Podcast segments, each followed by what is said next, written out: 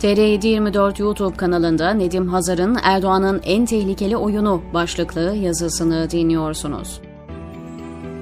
Kolombiyalı büyük yazar Gabriel Garcia Marquez'in 1981'de yayımlanan 7. romanı Kırmızı Pazartesi, işleneceğini herkesin bildiği, engel olmak için kimsenin bir şey yapmadığı bir namus cinayetinin öyküsünü anlatır.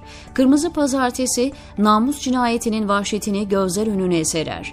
Okuyucu, kitabın ilk cümlesinden beri cinayetin işleneceğini bilmesine rağmen son sayfaya kadar nasıl işlendiğini öğrenemiyor. Sıradan cinayet romanlarının aksine merak konusu olan öğe, cinayeti kimin işlediği değil, nasıl işlendiği oluyor.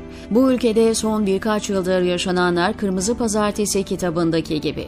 Göz göre göre işlenen bir cinayeti, kimsenin bir şey yapmaması ve belki birkaç kişi dışında kimsenin de olan biten hakkında net bir fikre sahip olamaması durumunu yaşıyoruz. Yaşananlar yeni değil. Damat döneminden beri hep aynı şey yapılıyor. Zannediliyor ki farklı sonuç alınacak. Hayır, kanaatimce özellikle saray ve çevresinin beklentisi farklı bir netice değil. Aksine yıllardır yapıp netice aldıkları aynı oyunu tekrar tekrar sergiliyor Erdoğan. Tek fark sürekli oyuncu değiştiriyor ve tüm dikkatleri bu oyuncuların üzerine yoğunlaştırıyor.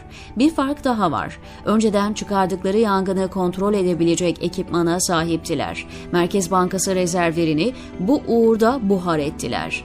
Lakin Hitler'e atfedilen ben emin değilim bir söz vardır. Yangını sen çıkarabilirsin ama söndürmek senin elinde olmayabilir. Neredeyse bütün diktatörler bu yangın işini denemiş. Bu seferki yangını kontrol etmek için gerekli zamanı bekleyenler her an beklemedikleri bir neticeyle karşılaşabilirler. Bu sebeple oynadıkları oyun bugüne kadar sahnelediklerinin en riskli ve en tehlikelisi bence. Yoksa ülkesini zerre miktar seven biri bile isteye ekranlara çıkıp faiz nastır, düşüreceğiz diye açıklama yapıp döviz ateşinin altına odun atsın ki inşaat sektörünün faizi nas oluyor da kredi kartının faizi ne oluyor peki? Madem faiz kesin kes haramdır, vatandaşın ödediği faizleri düşürmekle başlasanıza bu haramı önlemeye. Bu seferki kur faiz oyununun öncekilerden tek farkı var. Öncekilerde fren yapacakları noktayı kendileri belirleyebiliyordu. Şimdikini ise bilemiyorlar. Dolayısıyla yukarı doğru bir serbest gidişat istiyorlar. Artık nerede durursa. En tepe noktaya geldiğinde Katar gibi Arap sermayesi üzerinden ülkeye yine kaynağı belirsiz milyarlarca dolar sokacaklar. Bu sefer yapacakları vurgun en büyüğü ama en tehlikelisi olacak. Bunun birkaç sebebi var. Birincisi, Türkiye artık eskisi gibi güven veren bir ülke değil. Kara para alanında gri listede. Dolayısıyla birilerinin kapalı olan havalimanlarından palet palet yurt dışına götürdükleri dövizlerin geri dönüşü uluslararası gözlemcilerin dikkatle izlediği bir rotadan olacak.